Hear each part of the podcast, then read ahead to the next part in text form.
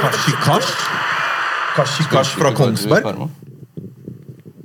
Det er et spørsmål til deg. Ja, Filippe, hvorfor sitter du med sverigedrakt? Er Hvorfor har du på deg svensk drakt? Hva skjer? Kan du forklare meg? Eller hva, bommer jeg? Det er ikke svensk. Nei, det, bro, det er ikke svensk. Det er, hva er det for noe? Det er Parma når de vant eh, Parmesan? Jeg kan ingenting om fotball. Du må Det er det året de vant eh, cupen. Oh. 94 eller noe sånt. Jeg er litt usikker. Jævlig fint for dem. Det var ett år de vant noe. Mine damer og herrer, velkommen til På ekte podkast! Den stemmen dere hører, er eh, legenden selv. Med ekstra balsam i krøllene. Åh, eh, det er meg. Jeg kjenner han som Felipe, dere kjenner han som Fela. Når jeg nevner til folk bare, jeg skal ha Felipe på podden, de bare hvem? Jeg bare Fela. Å ja! Og folk vet ikke at du heter Felipe. Er. Opplever du det ofte? At ikke de veit hvem Felipe er? Ja. De sier hvem er Felipe, men med en gang jeg sier Fela, så vet de hvem jeg snakker om. Det kommer litt an på hvilken settinger. Noen kjenner meg egentlig bare som Felipe. Ja. Typ. Liksom sånn Ja. jobb. Mm. Jobbtype sammenheng, så er det liksom Felipe det går i. Hvis du går ut av den, sånn Oslo kommune, og sånt, så er det Fela folk kjenner meg. Utafor Oslo kommune. Så det er to navn. En innenfor Oslo kommune og en utafor. Ja. Den er fin. Det er det sånt, ja. Og så har vi med oss en annen legende. Eskinder. Jeg kan ikke etternavnet ditt. Eskinder. Du har egentlig et spesielt etternavn. Jeg Han har flere. Jeg, jeg, jeg vet at det er spesielt, men jeg bare kommer ikke på det nå. Men jeg husker han hadde Rot. Rot. Rot. Rot, er det sånn man uttaler det? Ok. Legendary. Han jobber jo her på Furuset. Hva er stillingen din her, egentlig? Vaktmester. Eh, ungdomsarbeider. Vaktmester. Vaktmester. Vaktmester. Ja, det er ryggraden, bro. Han er ungdomsarbeider her på Deichman Furuset, eller Fubiak, som de kaller det. Ja, bydel Alna. Men jeg skjønner jo deg fra noe helt annet enn uh, som eh, ungdomsarbeider. Uh, yep. så de to gutta her så det var mange som kanskje ikke vet, eller de som er vårt kull, vår aldersgruppe, vår generasjon, vet jo det, at dere var med i en legendary gruppe som het Breaknecks. Uh. Så det var, det var ikke bare dere to, det var flere der. Nei, vi er to av fire. Ja, Så dere er halvparten av eh, gamle Breaknecks. Ja. Ed og Jonathan. Og Fela, du er jo vokst opp på Haugenstua. Stemmer. Eskinder, du har vokst opp på Lindeberg og Furuset. Lindeberg og Furuset. Så dere er fra området her, begge to. Ja. Hvordan starta Breaknecks? Hvordan, kom, hvordan forma dere den gruppa? Eller hvordan ble dere to kjent med hverandre? La oss begynne der. Vi kan gå, egentlig starte med breaknecks, Fordi det er, det er, der starter du, på en måte. Jeg, Jona og Ray. Ja. Så dere hadde ikke møttes før det? Nei. Ok, ok, ja, men Så breaknecks var en greie før jeg kom inn. Men du kan godt Fordi det er, du vet mer enn meg. 2003-ish. Ja. Fra, fra det du visste om meg, da. Ja, ja, get, Um, get Rich or Die Trying-tiden. Ja. 2003. Furuset uh, Jeg føler meg veldig ung her, altså. Du er ung, bro. Dere er er, dere er ti år eldre enn meg, Ja, pluss Ja, minus. Pluss, pluss, pluss. Pluss minus. Så du er youngen. Så 2003, det var da du starta gruppa? Ja, eller ja, etter jeg hadde vært på ferie. Med, Ja, riktig. ja, så dro jeg på folkehøyskole i Kongsberg. Sånn idretts, eh, idrettsskole. Det var der jeg møtte broren hans. For han var og besøkte en på skolen. Ok. Og Ray. jeg husker jeg, Jonathan hadde en tatovering på armen. Det sto Castro på. Og eneste Castro jeg kjente, var Andres. Mm. Eldstebroren vår. Så husker jeg bare vi fikk sånn Jeg bare Er du broren til Castro Castro, liksom? Han bare, ja. Så var det studio på den skolen der, og jeg hadde aldri vært i studio før. Det var idrett, jeg var fotballgutt. Men han og Ray drev og lagde musikk, og jeg og Ray begynte på skolen siden det var tilgjengelig. da. Ja. Så møtte vi to ganger der, tror jeg, når han besøkte han, og når vi var ferdig på skolen etter det året. Det var da vi begynte å liksom leie rockeverkstedet på Stovner for å recorde Rockefabrikken. Rockefabrikken. sånn emo studio engineer som bare Er dere ferdig snart, eller? Og hvor kom Når kom Er dere ferdig snart? Når kom Fela inn i bildet her? Det var det, for han drev også Han drev og jobba med han andre som var i gruppa, Edvin. Ja, riktig. Edvin, husker jeg. De, de var ute der med Var det Chico og hva het de, de studioene der med de gutta der? Ja, det var eh, Ja. Det var eh, studio til Michael Sito. Så Michael Sito hadde studio for Mørk atmosfære. Ja, ja, ja, ja. Og eh, et par andre den tida. Ja, ja, ja. Så jeg holdt på der mens han drev og holdt på med broren min. på en måte Ok, så, så connection mellom dere to skjedde egentlig via broren din?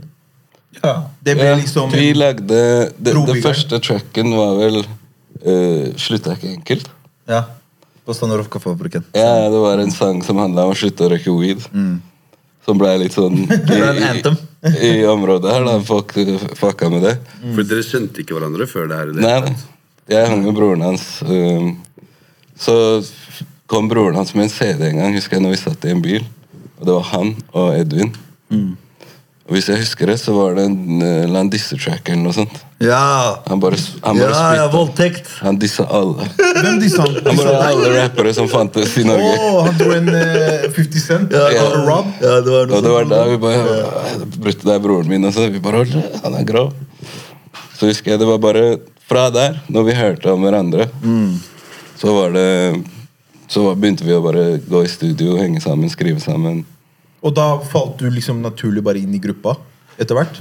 På en måte, ja. Mm. Så vi, vi hadde liksom sånn skrivesessions. Vi, vi hang liksom etter det, og så mm, Og så tror jeg det var liksom at, at jeg sa mm, Hei, vi, vi burde gå og linke opp med en kompis av meg som bor på Frogner. Og det var Edvin, så vi dro og besøkte Edvin hjemme hos han. Liksom, han bodde med moren sin. Han var tolv år eller noe sånt. Edvin, liksom, Lille Edvin. Drev og produserte beats og Har brukt konfirmasjonspenger på studieutstyr. Ja. Shit, som tolvåring? Og han var, ja, og han Han var var flink liksom, han til å produsere som tolvåring.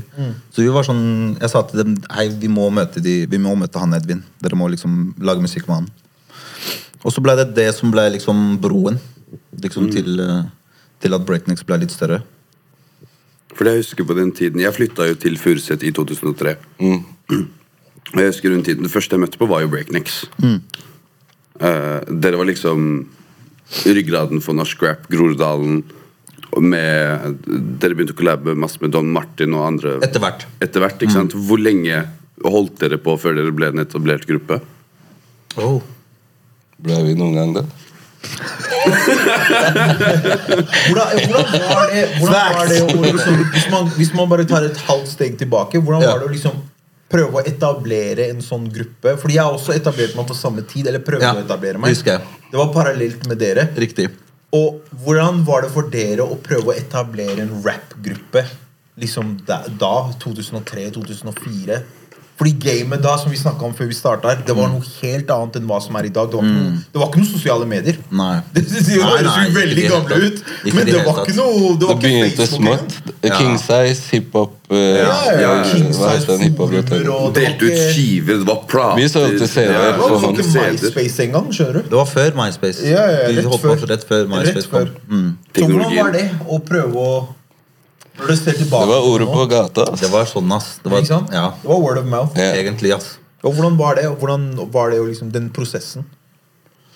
Mye spillejobber bare å prøve å etablere seg, eller hva, hva møtte dere Jeg tror vi veien? bare ga tracks til folk og Ja. hørte på det med dem. Ja. De snakka om oss når vi møtte folk. Bare jeg hørte tracken. Mm. Det var bare gatene hadde hørt de første tracksa.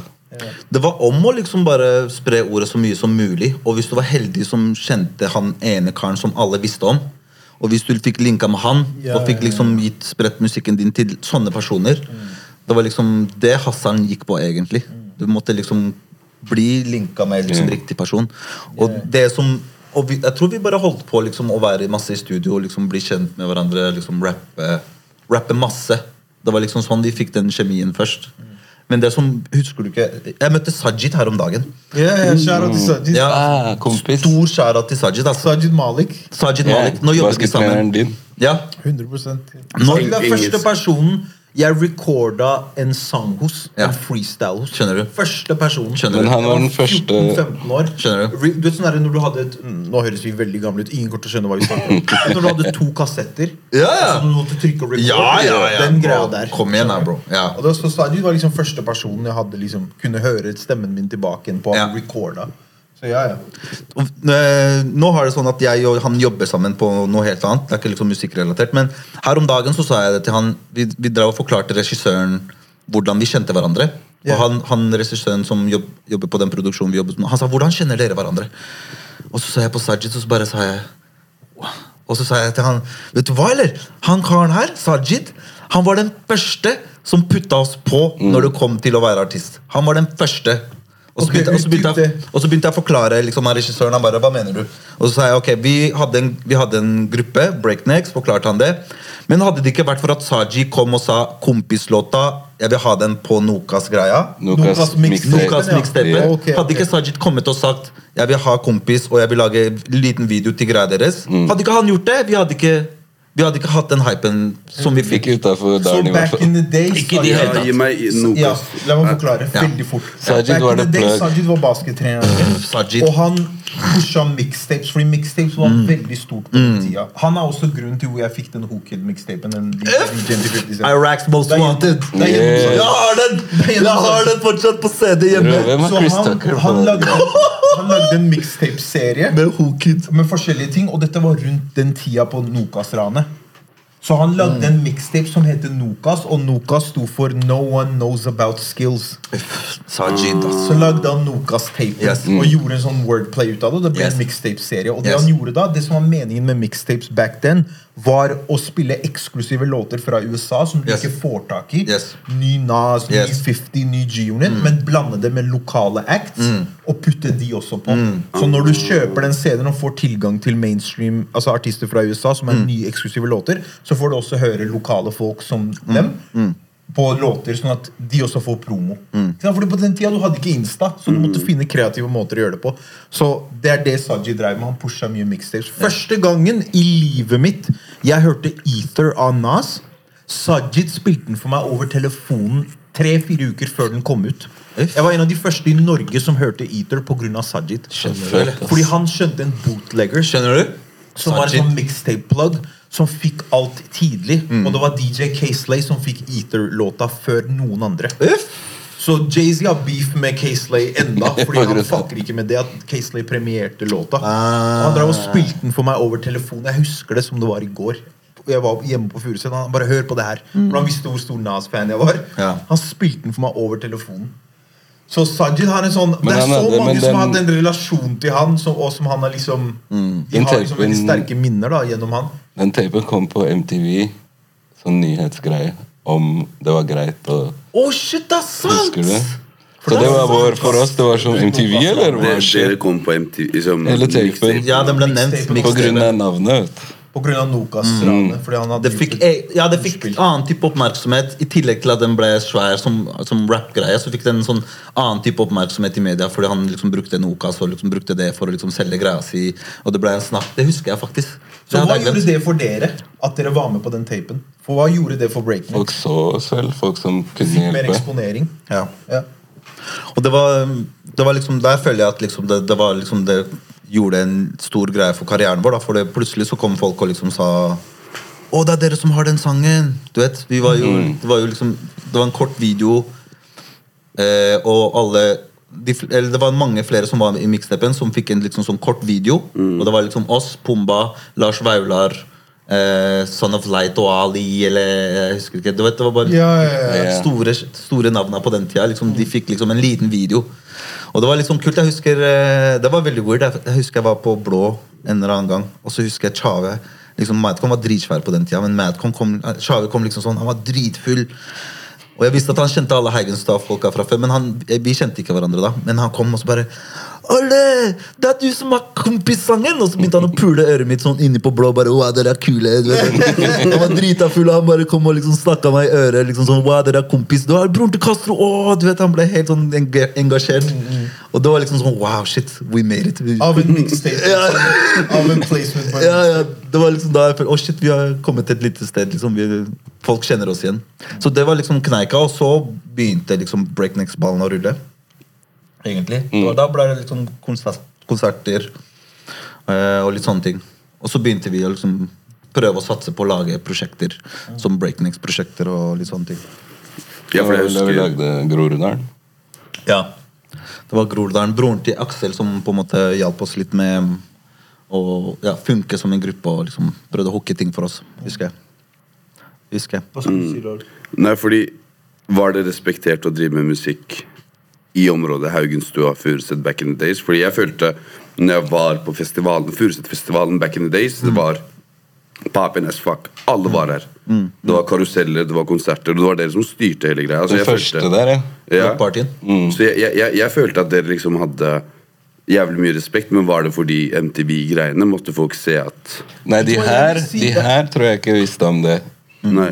Her så fulgte ikke folk med på norsk hiphop og alt det der. Det Det var mer uh, folk i byen, bransje, eller folk som dreiv med rap.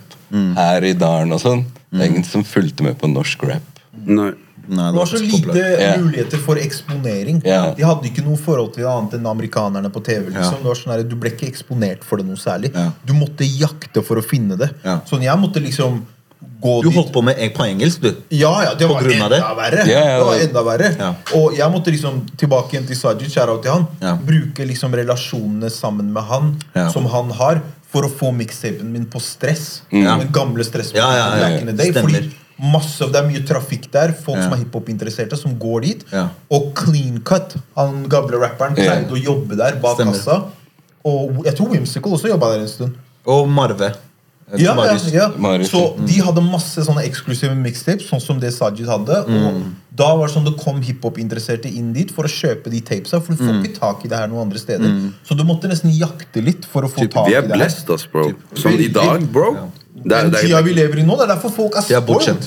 De er setter ikke pris på musikk lenger. Vi måtte jakte etter det skjønner du, for å finne det. Første Så- ordentlige intervju vi gjorde, i King Size, var med Marius. Ja. Ja, ja, ja. Marius ble en sånn Sajid-plugg. Vet, Sajid var liksom den første vi kjente til. Fordi Det er derfor det heter YLTV. Han heter jo Young. L Mixtapes. Ja. Det er mange som ikke vet det, Ja. så han også Han også hadde mixtapes. mixtapes. Ja. Og Josef. Og Josef, helt Ja, riktig. Urban Legend. Ja, ja, ja. Han ja, hadde mixtapes.no! Ja. Ja, Ja, ja. Husker du han pleide å pulle opp på, på Løkka med klær? Hiphop-klær fra USA. Ja, ja. ja. Han kom hjem til-. Eh, spraya. Jeezy. Eh, Snowman fra Young Ja, ja, ja. Jeezy. Han kom hjem til meg og Jonathan med masse esker, og så alle gutta Ja, ja. møtte opp for å kjøpe trippel. XL-T-skjorter. Ja, ja. og det, er, det er helt annerledes nå. Det er helt annen Og det er det, det er det som er tingen. Sånn, dere kan chime inn på det her. Fordi med kids nå Ja. Jeg tror ikke de forstår hvor heldige de er med tanke Fact. på Jeg vet det er mye mer konkurranse. Det er mye mer, det er oversaturated. Det er, det er veldig mange som skal inn gjennom samme døra. Så det er en litt annen utfordring der. Men de har så mange muligheter med den teknologien som er nå. Yeah. Og med sosiale medier. Så jeg tror ikke de skjønner hvor heldige de er. nesten Det er gratis. Det er gratis. Det er gratis. Det er gratis. Hvis du skjønner hva jeg mener. Ja. Det er supergratis, liksom. Du får kunst servert på fanget på YouTube, liksom. Hva er det vi trykka? Første mixtapen? 1000 CD-er eller noe sånt? Ja. Og solgte på hånd? Ja. Dere måtte pushe CD-ene deres. Ja. Det er sånn Nipsey Hassel delte, ja, du tar 100, du tar 100. ja, ja. Og så Det er sånn Det Nipsey var, Hussle. så, det var kasta klosser, bare. CD-er.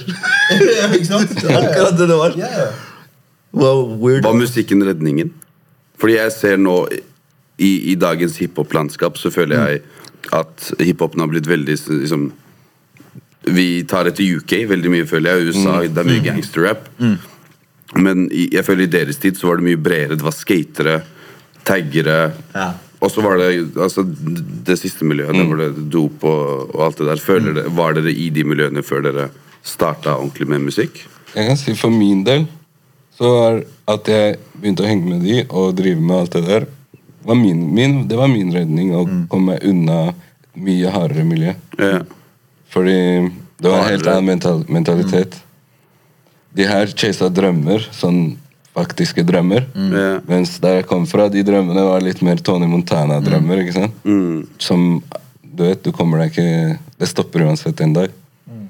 Så det å kunne bare henge med folk som har mål og faktiske drømmer om å bli musiker, produsent eller mm. uh, entertainer, da. Å være rundt det, for meg, det, bare, det gjorde noe annet. Jeg fikk mye mer ro. All paranoiaen fra du vet, om det er bråk Furuset mot Holmlia eller Grønland eller ditt eller Alt det bare forsvant litt med tid. ikke sant? Så det var et kriminelt og ganske hardt miljø til plutselig å bare finne et studio. Og sitte og lage musikk. Ja. Og kanskje tøffest i de miljøene er liksom festing og drikking og drugs, du vet. Ja. Og det er jo litt sånn også at liksom, jeg vil jo tro man ender jo opp i sånne miljøer nettopp fordi det ikke er så mange alternativer. Det er sånn, hva, hva ellers skal jeg gjøre? Hva skal jeg gjøre? Og så ender du opp der, og så bare følger du strømmen og gjør det de gjør. Fordi du så ikke noe annet, noe annet alternativ. Det var ikke noen muligheter eller tiltak eller studio du kunne gå til hvor du kan uttrykke deg på en annen måte. Så du bare naturlig ender opp på et dårlig sted med feil folk. Ikke sant? Mm. Og, og nå er det jo heldigvis ikke sånn lenger. Du, med det du jobber med nå, bare liksom bare Ja, ikke sant? ved. Men ikke som du sa, Sajid, ikke sant, alle de som har gjort litt for noen, det har blitt mye. 100%. Det, det, kanskje folk ikke ser det så godt, men at kanskje den ene sangen han putta på den mixtapen, kan ha gjort at jeg, det sparka noe i meg til å ville Ok, jeg skal ikke bli rapper, jeg vet det, men jeg, kan, jeg har sett hvordan det påvirker kidsa. Jeg drar til bydelen spør om Hei, la oss åpne et studio. Man kan jobbe med masse annet enn bare å bli rapper. Og være i studio, ikke sant? Og, og så begynte han med Agenda X eller Lindeberg Studio. Og Jonathan har Hiphop Enerland som starta på Rommen. Som bare, Det har bare blitt mye mer. da. Det har kommet så mange ungdommer ut av det. Og, og folk har liksom kanskje funnet seg selv. Du må ikke bli Wayne eller Park eller Wayne der er. Du, du får et trygt, trygge omgivelser. Trygge voksne. Du, du koser deg. Du har det gøy. Du får lov å være barn. Du vet, når vi vokste opp, det var nesten ikke lov å være barn Ja, ja, i de områdene. Ja, ja. Det var, vi kunne ikke være barn. Du måtte ha en type maske, og, Ja, det er det. og så blir du kjørt over. Du føler på det samme, føler jeg? Ja, men jeg, kom, jeg vokste jo opp her, liksom, på Ja. Haugenstua. Mm. Akkurat samme miljø. Han beskriver liksom en sånn um, En virkelighet som var liksom reell for mange på den tida. da. Mm. Det var jo liksom, vi, også når, når du liksom ikke klarer å følge opp idretten eller har råd til å fortsette med idrett, Mm. så er det jo liksom Eneste det det går i. liksom. For du har vært veldig åpen om det. Og jeg har jo lest en del saker på nett der hvor du har engasjert Eller snakket om engasjementet du har rundt å skape bedre fritidstilbud, og hvordan det har påvirket deg å ikke ha det når du selv var ung. da Men du sier at vi har bedre, du mener vi har bedre forutsetninger nå. Men hvorfor er det så mange som skeier ut still? Til tross for at det er musikk, det er, det er. Du har alt tilgjengelig, bro. Jeg tror Eskinder kan sikkert svare på Jeg det mye bedre enn meg, men hvis jeg kan bare si noe kjapt, så tror jeg, jeg tror det er en kombinasjon av flere ting. Ja. Men bare fra meg som ikke jobber med det, men fra utsiden og inn, så det var derfor jeg sa det jeg sa i stad. Jeg tror ikke jeg tror ikke disse kidsa ser og er helt bevisste og educated om mulighetene som finnes. Fordi de blir ikke eksponert like mye for disse mulighetene som finnes. For disse arenaene som er utenfor deres omgangskrets, som de kan oppsøke og få informasjon om. Fordi at de føler, de føler seg ikke inkludert i disse rommene. Wallah, det er bare å gå av der. Hva mener du? Der, der har du det. Det var en annen måte å si det på. Det var basically det jeg sa. At de føler seg ikke inkludert i disse rommene, men jeg tror det handler så mye om at de trenger noen som kanskje er eldre enn de, som får de til å forstå at du må skape verdi og bygge relasjoner med, mennesker. Du må ikke føle deg alienated eller føle at du ikke passer inn der. Du I hvert fall ikke ikke på forhånd. Ja, ja. Så du kan, du kan svare på det. Du, du har sikkert veldig mye å si rundt det. Nei, jeg, jeg er enig med deg, jeg, men jeg tror det er helt andre utfordringer nå. Fordi det er lettere å komme i konflikt nå.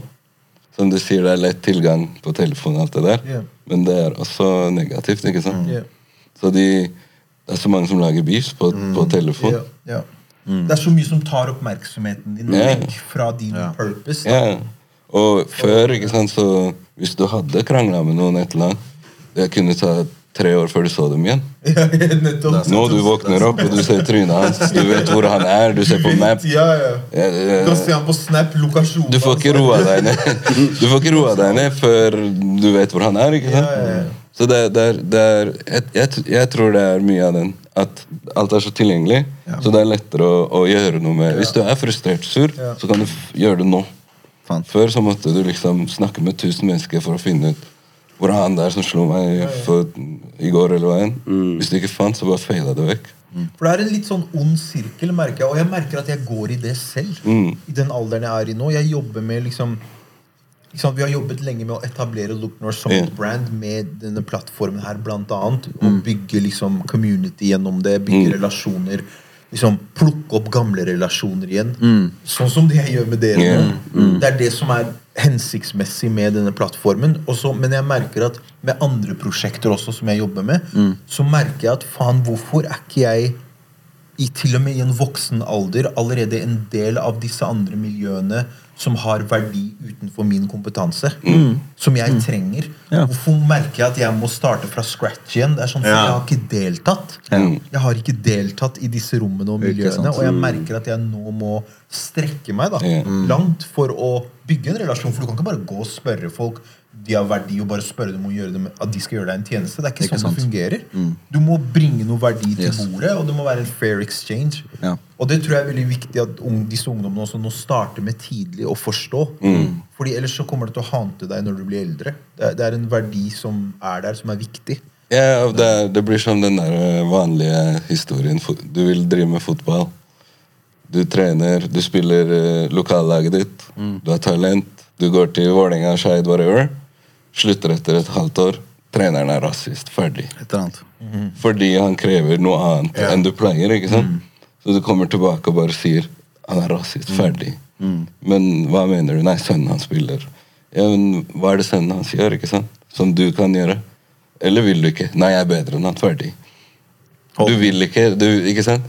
Du har allerede bestemt deg at han ikke liker deg. Ferdig.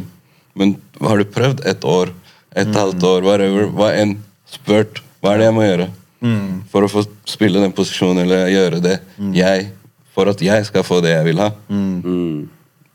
Utålmodighet. Jeg er bedre. Ferdig. Ikke sant?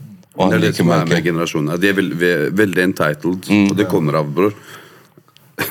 Vil du ha mat? Bestill Fodora på døra di. Vil du ha en date? Sveip på Tinder. Vil du ha en venn? Legg det. Alt kommer med en gang. alt er tilgjengelig. Alt er tilgjengelig. Så det kommer til et punkt hvor, hvor alt blir servert. Og så, ja, man, man setter plutselig ikke pris på å jobbe, liksom.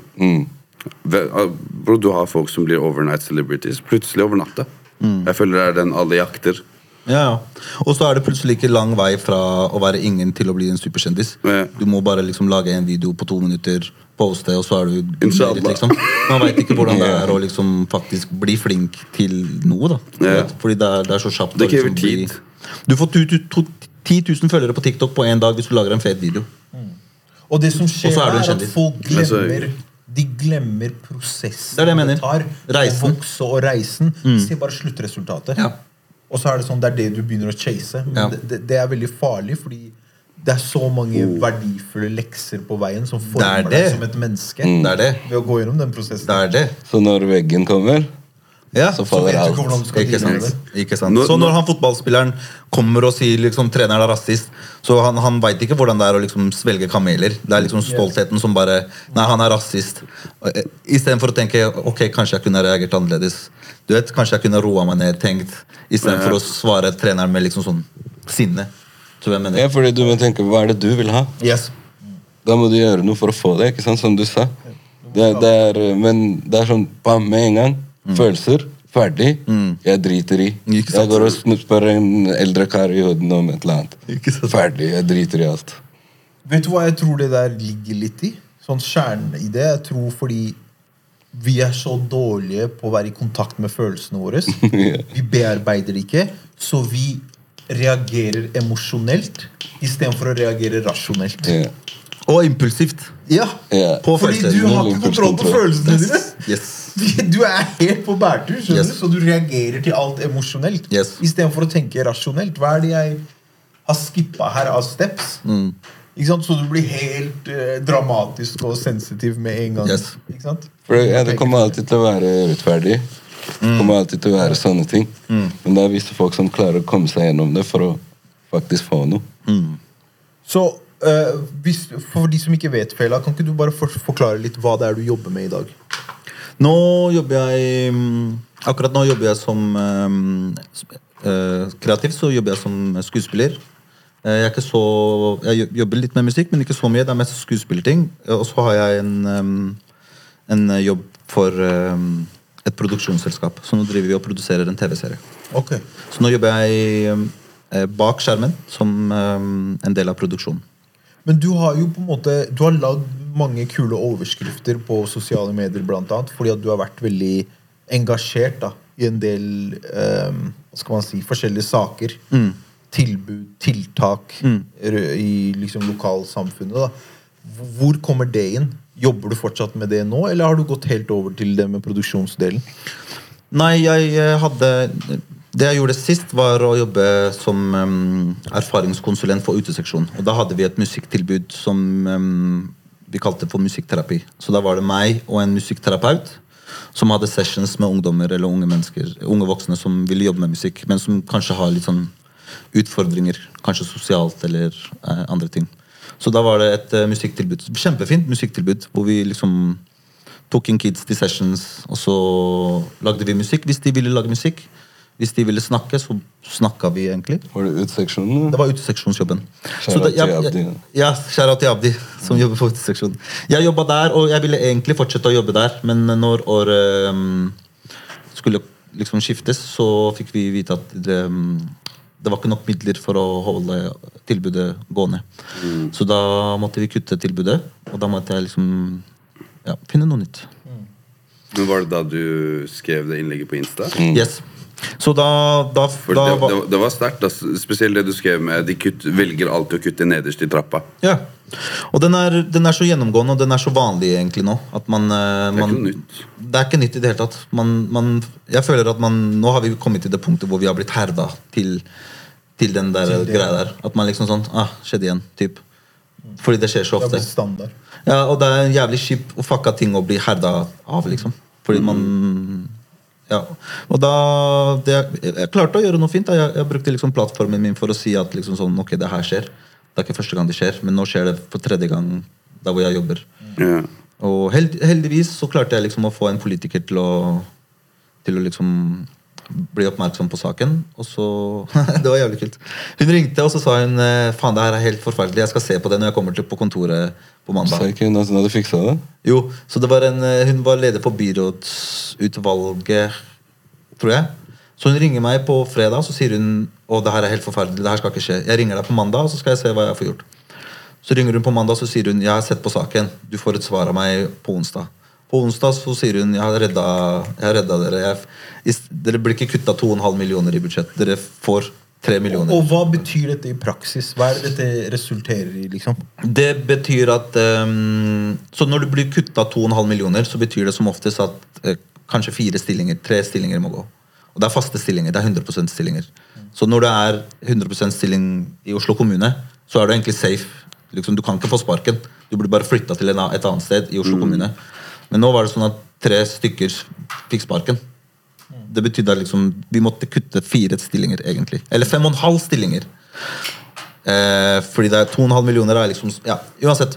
Så vi, vi, får, vi blir ikke kutta 2,5 millioner. Så jeg tenker jackpot, jeg får fortsette jobben. Og så kommer jeg på jobben, og så sier de vi må, vi må prioritere de 100 %-stillingene som blir kutta. Fordi For du var der som konsulent? jeg var der som 50% Ja, riktig. Så da sa de liksom sånn Faen, takk for at du redda oss, men vi redd, får ikke redda jobben ditt. Wow. Jeg fiksa pengene og ble kasta. Så du var lammet som ble ofret? ja.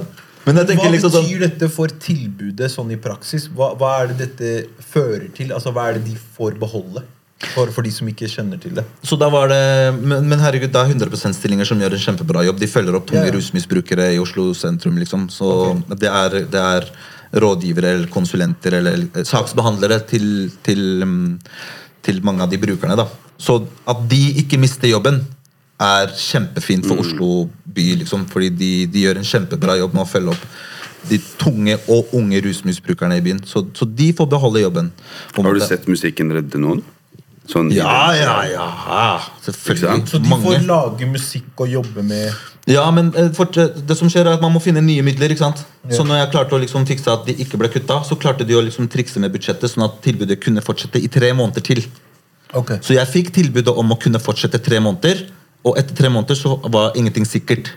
Så jeg kunne jobbe der i tre måneder til, eller så kunne jeg liksom ta, si ja til den jobben som jeg fikk Som jeg jobber på nå. For jeg fikk tilbudet om tre måneder, samtidig som jeg fikk det tilbudet fra TV 2 om den jobben her, som varer mye lenger og mye bedre betalt. Så da tenkte jeg ok, faen, hva skal jeg gjøre? Skal jeg fortsette tre måneder? Og kanskje fortsette etterpå? Eller skal jeg bare si ja til den jobben her? og move on. Det var liksom dilemmaet mitt. Da tenkte jeg faen, datteren min Skal vi spise godt, eller skal vi spise nudler? liksom. Så da ble det det det ble. Men kan dere si noe om, med tanke på bakgrunnen deres og det dere har nevnt, med liksom jage en musikkarriere og, og så plutselig ende opp med den type arbeid som dere gjør? Og du også, Eskinder, du jobber som ungdomsarbeider. Hva, hva, var det på veien som skjedde som førte til at dere tenkte dere skal jobbe med det her? Hvorfor, hvordan endte dere opp der? Vet du hva? Eh, hvordan jeg begynte med det, var når vi drev og, når vi drev og rappa alt det der. Jeg var ikke all in sånn, sånn som dere var. Sånn, jeg følte ikke det, i hvert fall på den tida. Hodet mitt Sånn var en fot inn og en fot ut? Ja. Jeg likte å være rundt gutta, men jeg var ikke sånn 100 dedikert dedikert i rap. Ja. Men når jeg fikk Jeg og din sønn, broren til Aksel, vi bare snakka om ideer. Om åpne studioer for ungdom, ditt og datt. Så på starten så hadde jeg med meg eh, Jeg begynte å jobbe i barnevernet. Mm. Og så spurte det. jeg de Mm. uh, om For da var det en som hadde hatt meg i barnevernet da jeg var yngre, som skaffa meg en jobb. Så jeg skulle gjøre liksom de samme greiene. Da spurte jeg om det. Men da var det som konsulent. Så tok jeg med Nasty Cut, William, og Julian. Hvis du husker han? Ja, ja, ja. Han var vel manageren til. Pacit og alle de. Eieren. Eller Ja, jeg vet ikke grunnleggeren. Vi kom hit til bydelen. Så, vi var på to møter, tror jeg. Og da var det Julian som tok praten. Og det var, jeg tror det var altfor mye penger, du vet. Det var Julian. Masse, masse penger. Vi trenger det og det, så skal dere få proffe produsenter, ditt og det. Så ble alt det avvist. Og så henta de meg tilbake alene og spurte liksom For da hadde jeg gjort noen jobber her på Forum. Og kan vi ansette deg? Og, og så kan vi kjøpe noe av det utstyret, og så kan vi uh, Istedenfor å paye En halv million. Ja. og det jeg var, jeg var gira med en gang. Og det var da Hvis du husker når dere pleide å henge på Furusetklubben Mm. i hva, 97? 98? Ish. Ja. Den ble jo stengt. ja. Den åpna vi igjen. Vi fikk beskjed om å finne et lokale. Ah. Og det lokalet har vært stengt siden da. Ingen har brukt det. Mm. Så vi bare gikk rundt, og fant den. Og så hadde Du husker det der ene rommet? Det var sånn eh, bank-safe-aktig. Ja, ja, ja, det var gammel bank. Ja. Ja, ja, Det ble jo studio, ikke sant? ja, ja, ja. Og det var da vi begynte med et lite stykke Furuset mixtape med lillebroren din og kullet hans. Det er sånn Hiwa kom seg inn i det. Ja. Og da var det også CD-er. Men, men Temor. Temor og Jonas. Temor, Benjob Det jeg ville frem til, var liksom sånn Hvorfor Jeg skjønner at liksom muligheten dukket opp, og du du valgte å si ja, men, men det må ha vært noe i deg som at du Hvorfor ville du jobbe med det? Hva var det som Jo, det, det glem, jeg glemte å si. Det var den påvirkningen. Du vet, vi Vi hadde ikke gjort mye. Men å komme i hooden eller hva enn, og alle liksom snakker til deg som den, den rappstjerna. Og hvordan og ditt og Du vet, den derre mm. der lille stjernen i øya på alle de ungdommene. Og for meg så var det ikke for meg, det, Jeg syns det gikk dritfort. Fra den kompissangen på den mixtapen til alle bare Og så plutselig skulle vi varme opp for Ice Cube og, og ditt og datt. Det var sånn der, det var helt mind-blowing, alt sammen. For meg bare, det her går altfor fort. Men det, den påvirkningen det hadde på alle hoods Jeg husker en gang jeg var i Moss med en, en, en, en veldig god kompis av meg som ikke lever lenger. Var Willy Frø. Vi var der, og så hadde han henta masse folk dit. Som bodde i blokkene da, i Moss. Og det var eldre folk som kom bort til meg og bare «Er du han fra Breaknex? Og da satt fra Breaknex? Ja, og- du alle de var sånn Vi er akkurat som dere. Vi er, du vet, Groruddalen er akkurat som der vi kommer fra her. Der. Så når vi var i Trondheim, så var det litt av samme greiene. Ja. Alle de tingene. Så tenkte jeg, faen, det er, Vi har akkurat begynt, men det har påvirka så mange som er som oss. Og Det var da jeg fikk veldig lyst til å gjøre åpne studio. Man så hva det betydde. For å fostre fem kids med talenter og Og, og få uh, snakka. For mange her klarer ikke å snakke. Men når de Hva, hva mener du med det? Altså hvis, hvis du henter en kid her da fra Furuset og sier 'fortell meg om oppveksten din' her, du får de samme quotesa. De åpner seg ikke. Mm, ok, Det så er bare F10, du vet, jeg dør for Furuset, Yeah, ferdig. ja. Yeah. hvis du tar med dem i studio og begynner å bare pushe noen knapper, så bare åpner det seg liksom hvorfor folk tenker som de gjør, eller hva enn, hva enn det gjør med dem. da. De reflekterer mye mer. Og, Ja. De finner seg et språk, da. Mm. De Og, snakker. og seg selv. Og de finner ut hva det er ikke, Som jeg sa, det er ikke sikkert de vil bli rappere, men på veien så finner de ut De vokser i hodet. Og det ga deg glede å se at Ja. eh, For du gjør det fortsatt. Så mange år senere. Ja. Mm. nå er lillebroren din der òg. Nei, si alle brukt det her i studio. Lillebroren til Laluc er der inne og spytter bars. Er han god, eller? Skjæra til Yasin. Big shout out til Yasin. Fra lillebroren din til lillebroren Fra lillebroren min til lillebroren til. Kult, Fordi ass. er det en ting jeg alltid fått inntrykk av, er at noen ganger man kan se de ungdommene rundt på Furuset, og selv fra Furuset, man kan være litt sånn Ei, skjerp dere, gutta. For Fordi man, plutselig man er voksen og greier. Yeah. Men jeg føler du alltid har sett dem for det de er. Du må være på samme nivå. Ja. Du kan ikke se ned på folk. Likestille. Uansett. Møte dem der de er. Ja, ja. Men det kan være vanskelig, fordi det er sånn mange av dem, det er, Hvis du kommer med en pedagogisk approach eller 'jeg har lyst til å hjelpe deg' eller være der for deg, så hvem er du, Allah Jet? Men det kommer Ja. når de åpner seg. Det Ja. kommer, det, du vet, du kan bare gå inn Du kan få lov til å gå inn og banne i en time. Og så spør jeg et spørsmål. Hvorfor banner du så mye, egentlig? Og så begynner, begynner, han begynner han å tenke. Hvis han bare tenker på det, jeg er fornøyd. Neste gang så kommer han jeg har skrevet en hel sang, jeg banner ikke. Jeg har ikke sagt til han ikke bann. Jeg spurte bare hvorfor banner du. Så det er den der, du, du dømmer ikke, du spør. Og så åpner de åpner seg. Og det er der jeg mener, da finner de, de finner seg selv uten at du skal peke og si det du gjør er galt, det du gjør er sånn. De må finne ut hvorfor de er som de er. Det er så lett å bare si til ungdommer eh, du er sånn, og det er feil. Så du føler at det her er mer givende for deg enn var rapper og prøvde å etablere deg som en artist? Er det her mer givende? 100 Føler du deg tilfredsstilt med det, liksom? Ja. 100% Det er en sånn selfless uh, egenskap da, som noen har. Man, man, liksom, man får mye mer av å liksom være noe for noen, på en måte. Ja, 100% Det er en sånn, han, har, han har alltid vært sånn, liksom sånn En sånn type person har jeg sett, har jeg lagt merke til. da. Og han har liksom det er ikke Men det er det, liksom, det er det som Fordi han jobba jo først på Lindebergklubben, og så, og så liksom anbefalte han Jonathan. Og så Jonathan jobba der en stund. Og så, det var liksom før, lenge før jeg var interessert i å gjøre noe lignende. liksom Ja.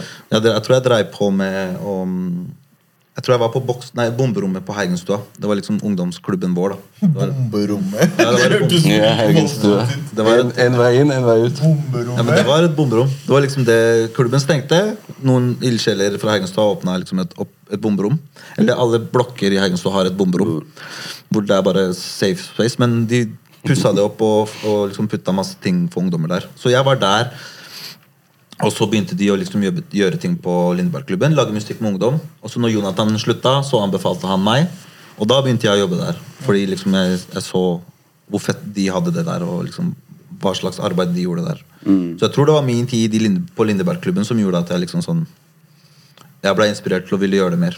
Så fra den Lindebergklubben begynte min ball å rulle på liksom ungdomsarbeid og ta det mer seriøst. Og det var fordi han her gikk, gikk så inn i det. Når vi åpna starten, det var Hvor kids gamle fra er dere oppi alt det her? Lindbergklubben, miljøarbeidere 22, Ja, ja. ja. 3 Starta ganske tidlig, da. mm. Ja. Så det var rett etter videregående. Følte dere at skole ikke var greia? Tok uh, miljøarbeiderutdanninga? Videregående var uh, ferie. Ikke sant? Det var bullshit, man. Vi gikk på skole sammen! Det var bullshit. Jeg gikk på La meg høre litt historier. Jeg vil høre historier der. Hvis, er dere vet Du dere om gikk i klasse Sogn? med Nasty Cat. Hæ? Sogn skole? Ja, ja. Sogn skole? Vi to Ja. gikk der. Ja.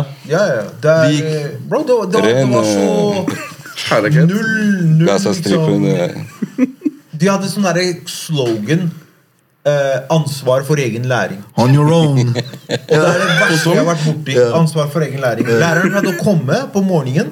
Jeg gikk medialinja, media og kommunikasjon. Vi hadde en sånn feit mediebok vi måtte igjennom, som Yes. var på 500 sider. Og så var det sånn, Hun kom, fortalte hva agendaen var for dagen og for uka. Mm. Og så jetta hun. You're on your own. Klar deg selv. Hun jetta! Og jeg satt der og tenkte shit, jeg kommer til å slite med videregående. Og jeg var sulten på å lære, fordi jeg er egentlig litt sånn når det gjelder å lære ting og teknologi. og sånn, Jeg er ganske nerd. Ja. Jeg geeker ut på sånne ting, for jeg elsker det. Ja. Så jeg var klar for å lære, men de bare, som du sa, on your own. Mm. Og jeg ble så demotivert. Fordi jeg bare Shit, jeg kom hit for å være så gassed, og hun bare sier hva planen er, og så bare går hun. Mm. Ja. Og så ser jeg henne på slutten av dagen. Ja. Og jeg bare, jeg, jeg vet ikke hvordan jeg skal navigere meg gjennom det her. Altså, Ja. Jeg trenger guidance på veien. Jeg trenger noen å spare med. Jeg Mm. skjønner du? Så det var katastrofe. Og folk drev og du vet, pusha drugs i storefri, og det var politirazzia der. Sånn skole var Sånn var eh, Til slutt, det ble så ille at de måtte lage en sånn bom og sperre greia og metalldetektorer og det ene og det andre. Det kom aldri. Jo, jo, Jo. Hæ? jo, bro. Etter at vi slutta, Året etter at vi slutta der. Det var metalldetektorer og sånn bom. Du måtte vise legitimasjon for å komme inn på skolen. Det var så mye kriminell aktivitet. Ble folk stabba seg på Ja, skolen? bro. Hva skjer? Nei, Ja, folk pusha. Yeah. Masse dop Folk der. pusha veldig Masse mye. Folk pusha i dassen, var jo ja. og sånn. Det Ja, var helt folk hadde med seg skapene der. Folk var klosser i skapet. Folk Ja, hadde piller i skapet. Var- Så er det ikke sånn random der. bro. Nei, de hadde, de hadde en sånn dritsvær razzia hvor de kom Ja. liksom politi, Politibilene sperra hver utgang, fordi det, var, det er en svær plass. Og rundt skolen så er det liksom gjerder, og hvert, hvert gjerde ble liksom stoppa av politi. Og så kom de inn liksom i B-blokka. B- og C-blokka kom de inn med bikkjer. 1500 elever. Det er en Ja, ja. stor skole, skjønner du. Men sånn Jeg finnes husker ikke det. lenger. Jeg, jeg Nei, husker, den har slått seg sammen med den Hva heter den Kuben. store? Kuben. Det har blitt Kuben. Det er tre skoler som har slått seg sammen, og Sogn var en av de. Det gikk 1500 elever på Og Sogn. dere to gikk der sammen Vi gikk i der sammen. 90 ja, han gikk i klassen over meg. 2003 til 2005. Ja. Du gikk i klasse med Nasty Cut og Louis. Hvis ikke jeg tar Ja, feil. ja, ja, helt riktig. Nasty Cut er en av landets beste produsenter. Nasty Cut gikk i klasse, de gikk i klasse sammen. Jeg husker det, vi var, jeg tror vi var i um, Vi hadde time i første klasse, eller noe sånt og så plutselig så bare hører jeg 'Det er ja! Og så bare ser jeg røykpakke faller ned fra vinduet. Bare, røykpakke, røykpakke, snusbokser. Alt bare faller ned fra vinduet. Og så ser jeg til sida politiet kommer inn med hunder, og så ser jeg ut og så ser jeg bare Og lukker av vinduet, så ser jeg bare røykpakker, og så stikker det poser ut av røykpakkene. Etter, den sommeren, etter den sommeren det var sånn bom når du Ja. skal kjøre inn på skolen. Så du må ha adgangskort Ja, ikke. Metalldetektorer før du går inn i greia. Det var Wow. helt katastrofe. To lærere ble tatt, én elev. Husker du ikke det var sånn? Det var flere lærere enn elever som ble tatt. Det var i hvert fall to lærere som ble markert eller tatt. eller. Men apropos syke historier. Ja. Har dere noen syke minner eller stories dere kan dele fra tida dere som rappere? Eller fra liksom den journeyen der, da? Var de på den båten vi snakka med Aisa og Heddy om? Nei, Var dere på Seaboogie? Du var ikke på Jeg var på mann! Det er sant! det, Du var på Seaboogie! Jeg var der med deg! Shout-out til Kjell! Shout-out til Kjell. Syk supporter. Wow! Var du på Sigmund Nei, jeg var ikke der. Men hva Jeg, er noen andre minner dere Jeg var ikke så har dedikert. Jeg- jeg-. Ja, bro. Seaboogie er jo legendarisk, men det, det, det, det, den, de historiene vet jeg. Noen historier som dere kan dele, som jeg ikke vet om. jeg vil ikke Som jeg ikke vet om Som jeg ikke har vært Du vil ikke delaktig i. touche på den, altså. Eh, Hva er det sjukeste som skjedde under breaknex-tiden? på høre. Godt Norsk hiphop 2004-2005. Hvis det er kvalme, altfor kvalme, vi klipper. Jeg har ikke tenkt på det. Jeg klipper bort hvis det blir for Det er mye da, som har skjedd. Det har jo vært noen beefs. Som, Ja. eh, jeg tror rappere misforsto hvor vi kom fra. da Hvem er det Mm. du beefa med? Det er slemt å si. altså Du er løs. altså. Er det slemt å si? Du er løs. Ja. Du er løs Jamshid. Hvorfor er jeg løs? Men ok, jeg kan forklare sånn, da. Du vet hiphop.no, King Size Ja. Mennesker, eh, når det kom, mennesker følte seg selv på nett. ikke sant? Ja, ja, ja. De skrev eh. Ja, Hvem tror de de er? er Sånn de mora- eh, ditt datt. Og du vet selv, kompiser herfra, når de leser sånn Yeah. De snakker ikke om det, men de tar seg nær av det. Så bror, hvem er han her? Eh, Hvis jeg ser han For eksempel, en, du, du var der, jeg var ikke der. En komp han kompisen jeg snakka om i stad. Han Kjempetøff, tøff kar. Brutter'n. Broren min. Brutter'n. Men han er tøff.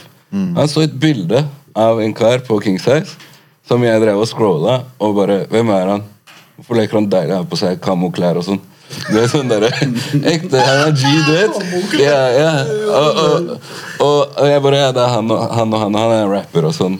Og så fortalte jeg han liksom han, Du vet, han dissa oss. Han bare hva? På Tupac-beaten, Hit him Up. Han bare hva? Wow. Og han elska Tupac, skjønner du. Og så viste jeg han sangen. Han, han ble varm.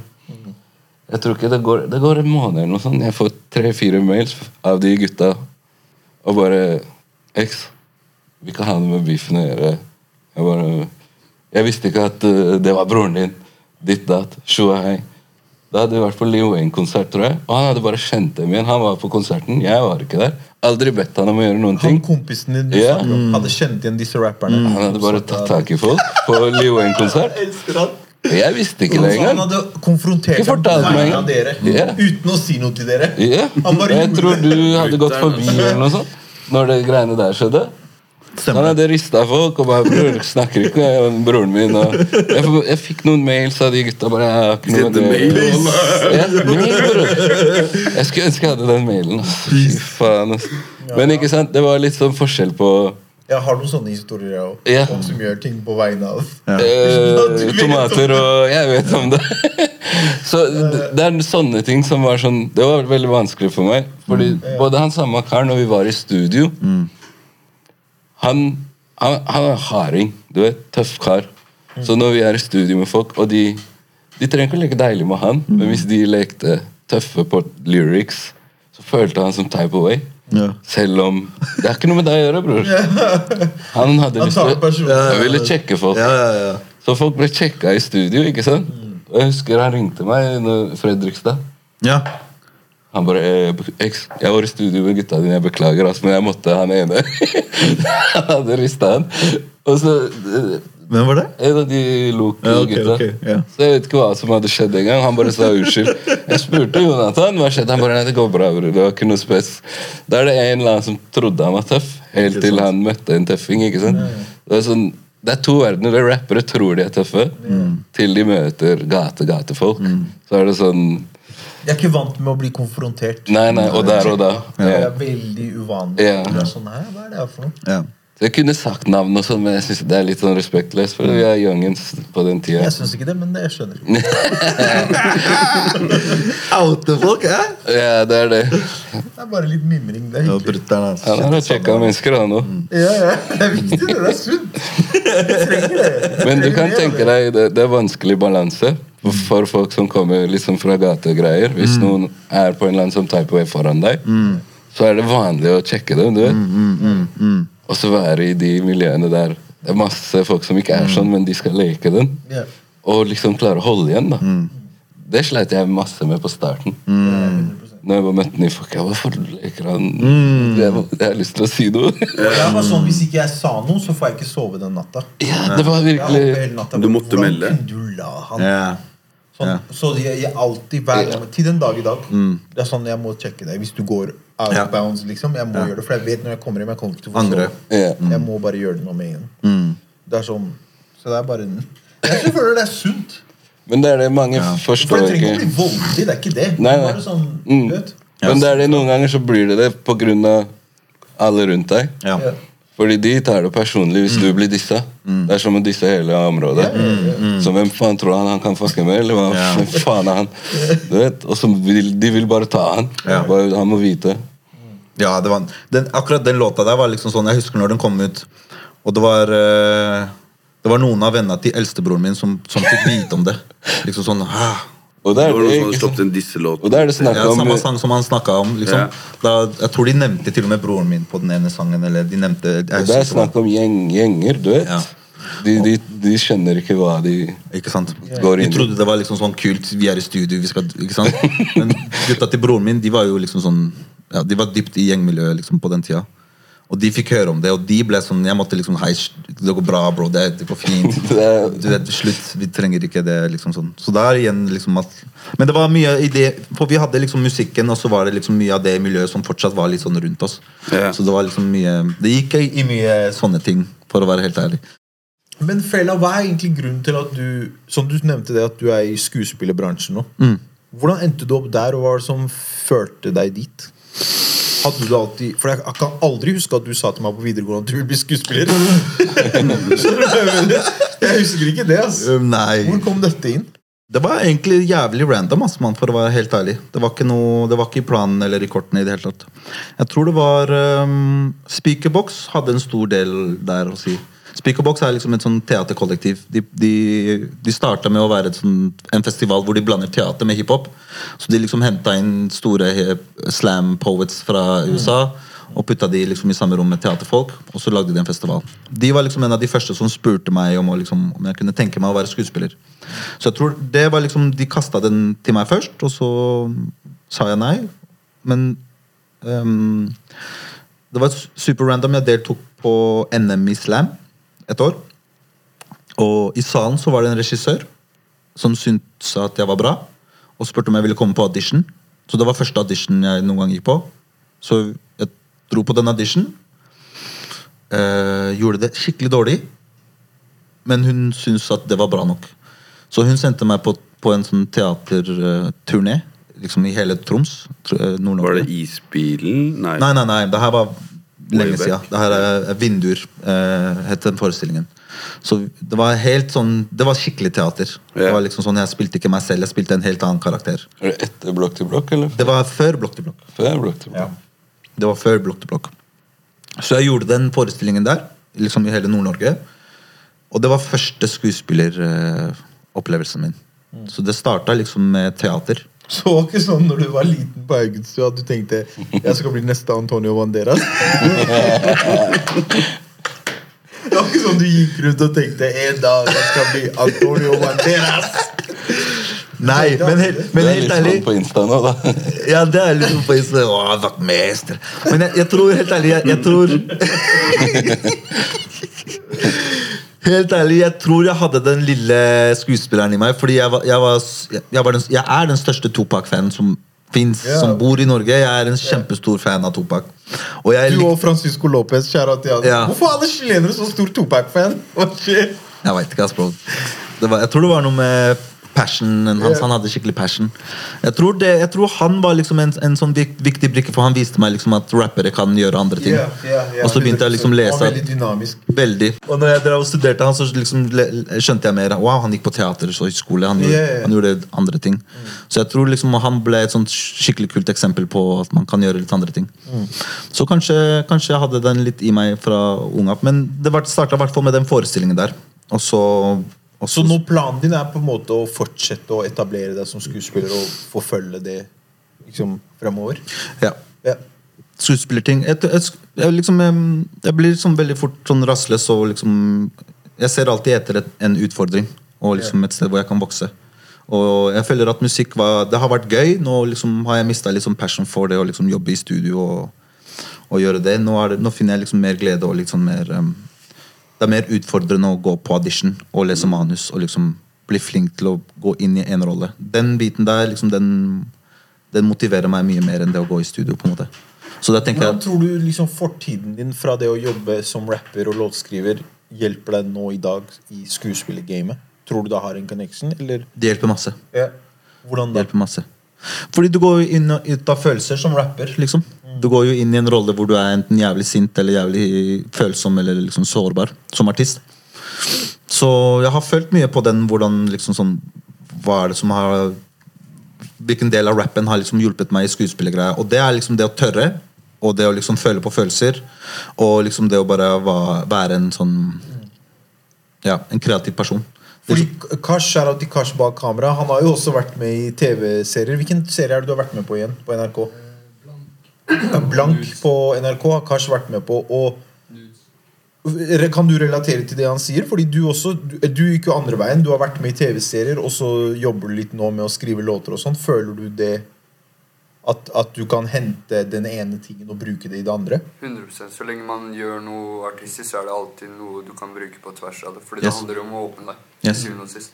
Så så lenge du har noe å melde, og du kan hente ut noe, så er det alltid noe du kan bruke. Yes. Og reflektere over. Godt sagt. Mm. Jeg føler eksempel bare det å kunne stå på en scene Yeah. også har veldig mye å si. Yeah. For Har du blitt vant til å stå på scenen, så betyr det at du, du er komfortabel. på en Yeah, måte. yeah, yeah. Om det er teater. om det er foran en skjerm, om det er, eller foran kamera. Ja. Absolutt. Jeg vil ha noe, ju noe juicy. Det trenger ikke å være noe beef. og sånn Det kan være bare en crazy opplevelse kanskje på turné, eller noe morsomt som har skjedd. Skjønner du? Det har skjedd mye vilt opp gjennom årene. Det trenger ikke å være noe X-rated heller. Jeg vet Du går til de der grisete tankene. Du trenger ikke å gå dit. skjønner du Hold deg unna den delen av hjernen din. Det er, noe der, det er mye å ta i der, altså. Jeg hang i studio med masse med Michael, Michael Sito og, og Naturlig Fjerne den tida, når eh, Karpe og Danny og Pumba hadde beef også, tror jeg. Hæ, har de hatt beef? Ja, det, har- det var noe greier der med onkel eller noe sånt, tror jeg. Det var, det var, en, det var en sånn beef der. Og så husker jeg at Onkel og Pumba var det. Jeg tror ikke Karpe, Har Karpe hatt greie med det var Danny Pumba? onkel. Det var Karpe og onkel, eller noe sånt. Karpe og onkel Ja, Ja, ja, det sånn kan var det. stemme. Sånn Det var kan det. stemme. Og så, og så tror jeg ehm, eh, eh, Jeg var i studio en gang hvor de ringte til Chico, Chico Pato eller Pumba. Og, og så sa Hvem ringte til de? Eh, Raggen. Chirag, tror jeg. Chirag eller Meg. Jeg tror det var Chirag faktisk som ringer, og så sier han Hei, vi nevner dere i en sang nå vi, hvor vi disser pumpene nei, onkel. Er det greit at vi nevner navnet deres? Eh, og så hadde de tatt opp at de, Og brukte det i de hadde, en ja, de hadde tatt opp samtalen, og så hadde de putta det i en sånn Harpe tok opp samtalen? Nei. Eh, Chico hadde tatt opp samtalen, og så hadde Pumba og Danny brukt det i en sang. Nei! Jo, et eller annet sånn. Så de hadde brukt, tatt opptak av den samtalen, og så hadde de brukt det i en sang. Husker jeg. Og jeg var i rommet, husker jeg, når Raggen ringte. Og så husker jeg gutta bare la på. du vet, At det ble en greie. Så, eh, så sånne små beefs moments som, liksom, som ikke så mange veit om, husker jeg liksom, har jeg minner av fra, fra back in the days. Hva, hvem er deres favorite rappere opp gjennom tidene? liksom? Både i dag, back in the day, bare sånn totalt. I dag Kendrick. Nei, nå tenkte jeg på norske rappere. Vi kommer til det. Ah! Norske rappere. Hvem er liksom dere favorites opp gjennom årene? Just Joe, det. Jeg bare det. Hvorfor kødda du? Si det med chest, bror! Ja, men det er ikke favorittrapperen. Vet du hva? Er du syk? Er du Hvem Jeg vil tro, jeg vil tro at uh, Fela sier El Aksel oppi der et eller annet sted. Ja, men er liksom Personen jeg nevner, må det liksom være relevant i dag også? Eller Ja, gjennom whatever, tidene? Hva er det som er relevant gjennom tiden? Whatever. Bare all time favorites. Bra spørsmål. ass. Wow. Er El Aksel i din topp fem? Nei, ikke nå. Jeg vis, han, han, han var liksom en av, en av mine største inspirasjoner og motivasjoner Når jeg først begynte. Det var han. Så, eh, sånn, ok, Hvis jeg skal liksom si of all time inspirasjoner innenfor norsk hiphop, så er han topp tre. Uten tvil. Ja. Uten tvil. Men det er mer inspirasjonskilde. Men hvem tenker du er liksom For, Fordi Jeg vet ikke. Tenker du liksom Er Raggen i den lista? Med tanke, på, med tanke på hvor lenge han har holdt på med, og hvordan han har forbedret seg, er han i den lista? Uten tvil. Ja, Uten så tvil. Der er vi enige. Fordi vi gjorde Jeg husker vi gjorde et par gigs eh, sammen. Eller Michael gjorde et par gigs, og da var liksom Karpe en del av noen av de gigsa. Og da husker jeg at jeg liksom Allerede da liksom skjønte at liksom sånn Ok, de her er fete, liksom. Og siden da så har liksom arbeidsetikken deres bare Du vet. Og det må respekteres. Hvem andre du putter i den lista der, da? Topp tre, liksom. Ja, sånn topp fem, bare dine favorites. Hva med deg, Skidder? Hvem bare Jeg driver og er tenker, ass. Men jeg, jeg fucker med Cess, faktisk. Cezinando? Ja. Ja, ja, ja. Jeg, jeg digger han. Så han er i din all time favorite? Ja, det er bare ett navn jeg tenker nå. Fordi det er et eller annet med det han gjør, som er bare jævlig fett. Ja.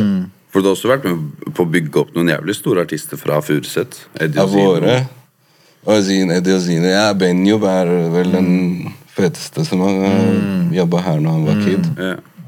Temor kunne jo vært der, men han har ikke gjort noe. yeah. Temor er, men han har ikke gjort nok. Ja. Men nå snakker vi om favorites, da. Sånn all time. Det er kanskje Det er det, det, er, det, er det er jeg tenker på. Er Vaular der? Har du putta Mm. Vaular oppi der? Onkel og Vaular og de der. Ja, kanskje Jeg tror kanskje Vaular er, er, er den karen for mange bergensere, sånn sett. Men eh, Ikke for oss i Oslo. ikke, ikke for meg, i hvert fall. Han er superdyktig, da det skal sies. Ja, ja, men herregud, det, det har jeg ikke sagt noe på. Ja. Men eh, Bro, det er vanskelig, Altså. tidene, Ja. Det må være de gutta. Det må være Chirag og Magdi. Hva hører du? Men jeg føler at du kan ikke ta én av dem. Det blir begge. Jeg, jeg føler det er en pakke, Ja, det pakkedeal. Ja. Det er pakkedeal. Hva skal man, hva skal man, men hva skal man si? Jeg bare okay, clean liksom Chirag. sånn, gjennom tidene jeg, liksom når, man, når man skal nevne noen av de, så må man liksom tenke Er personen eller personene fortsatt aktuelle? Gjør de større moves nå? Eh, har de gjort mye for kulturen? Eh, det er liksom de tingene Katalogen som, deres. Skjønner, men det, det er de tingene der som for meg spiller rolle når man skal si top time five of Norway. Du vet? Og det er ikke så mange. Det er det som Det er- Nei, det er det jeg mener. For det, er- det, er- det er som eller det er det som betyr noe for meg. Hva, hva slags moves Yeah. gjør, Hva gjør de fortsatt? Yeah. Har de liksom lagt inn et, et fint fundament Yep. Tilbake neste- til kulturen? Det er de tingene der som på en måte som betyr noe for meg. Så helt ærlig, hvis jeg skal si noe der, så skal jeg, da må man si Karpe. Warlocks, for å være helt ærlig, fordi de starta det. Mm. Og de inspirerte en hel bølge. Tom, TP var på en måte rundt de, Eller de var liksom kjernen til TP. Se på de nå. Han ene er i fuckings Hollywood og gjør mo movies. Ikke sant? Ja, det er sant. Han ene Han ene, han ene ja, i Warlocks. Han er, han er i Hollywood. Han bor i LA og jobber med liksom TV og film og liksom gjør store moves der. Sånne ting må inn i miksen, spør du meg. Når du skal putte Når du skal pinpointe. Yes. Men det er igjen, da. Det er forskjellige tidsperioder. Yes. Det Så det blir liksom uh, TP-tiden. Yes. Karpe som har hatt Yes. fra dem kom til nå. Yes. Og så føler jeg Cess er han. Yes. Og så Benjo. Jeg hadde sagt de fire, på en måte. Hvis jeg skal, fordi det, det representerer Karpe, Warlocks, Cezinando og Jonas Benjo. Jeg hadde sagt, jeg hadde sagt de, de fire. De fire. yeah. og meg sjæl, bro. Always. Det er kult. jeg tror, sånn som til det vi har snakket om sånn, Når man ser tilbake på folk fra deres generasjon eller vår generasjon At det er viktig at det varer. Word. Det er viktig at det er en progresjon i karrieren til disse artistene, og at de Yes. holder ut. Fordi det gjør kulturen så mye mer sterkere. Hvis du faller av etter to-tre prosjekter og blir borte, så er det en veldig synd, fordi Det kommer en ny en. ja, for jeg husker Jay sa det. Jay-Z sa det, at han sa at folk må celebrate det hvis de ser at jeg kan gi ut et album i en alder av 50-52. Fordi du vinner på det. Du som ung rapper vinner på det. Hvorfor? Fordi jeg viser deg hvor langt man kan gå. Yes. Hvor lenge du kan dra den greia her. Hvor lenge du kan strekke den greia her. Skjønner du? Og Det er derfor mange unge artister må ha mye mer respekt og også hedre de eldre. Fordi hvis, de, hvis Karpe pusher det her i ti år til, så viser det hvor langt du kan gå. Du som 19-20 år gammel rapper. At du kan 100%. holde på du er 40. Fact. Men noen må gjøre det først. Fact. Noen må sette den standarden det er som Fact. han nevnte i stad, T Productions, Warlocks Hva de har gått igjennom som hiphopere i Norge. Yeah. Ingen av oss hadde prøvd å rappe engang hvis ikke de hadde gått gjennom den dritten her. Yeah. Hva er det? eh, 80-tallet? Mm, 90. Ja, 90, til- slutten av 80 i Norge. Ja. En rapper var kriminell. Mm. Ja, ja, for jeg kan Han er kriminell, han heter genser. Til og med de hvite, etnisk norske rapperne ble sett på som De var kriminelle, ikke sant? Yes. du Hvem er de kriminelle folk Fordi de her? rappa, sant? Fordi de rappa Don bak Martin. frem og tagger og Du tenker, hvem er Alle de de, her? tenk alle de har gått gjennom den dritten der for at nestemann skal liksom Å, han er rapper, det er kult. Ja. Husk det. Respekter det, liksom. Ja, ja. Vet ikke hvordan du ser på det når det gjelder liksom, Vi har snakka mye om det på podden faktisk Om dette med representasjon i norsk TV. At det også har lekka lenge. Det også har vært noe som du ser liksom serier de prøver seg ja. Hva het den serien igjen, Kars? Den derre eh, Med hun Simai. Vi hadde jo henne på besøk. Norskish? Norskish? Norskish. Ja. Ikke sant? Du har serier som Norskish hvor de prøver seg på det å vise representasjon. og Ja. sånne ting. Hva tenker du om det, du som har steppa inn i det gamet der? Jeg, jeg syns at um, det har lekka masse. Men for meg personlig så har jeg, et, jeg har et mye større problem med det, fordi um, jeg, ser, jeg, ser, jeg ser representasjon som kunne ha vært bedre, men for meg som, som latiner, som stepper inn i det som skuespiller Jeg ser ingen med min bakgrunn være på TV som representerer min bakgrunn. Jeg ser utenlandsk liksom, representasjon. Veldig svakt. Men jeg har aldri sett en chilener underholde meg på, på TV-skjermen fra en norsk produksjon. Det har aldri skjedd. Faktisk. Ikke sant? Det har jeg, og jeg, har, jeg tenkte ikke på det før litt siden. Liksom sånn, faen, jeg, nå prøver jeg å liksom bli en sånn skuespiller med liksom, fra Haugenstua og liksom sånn, representere du vet. Du har han der Haugenstua-komikeren. Hvem? Den derre Jesse Jones?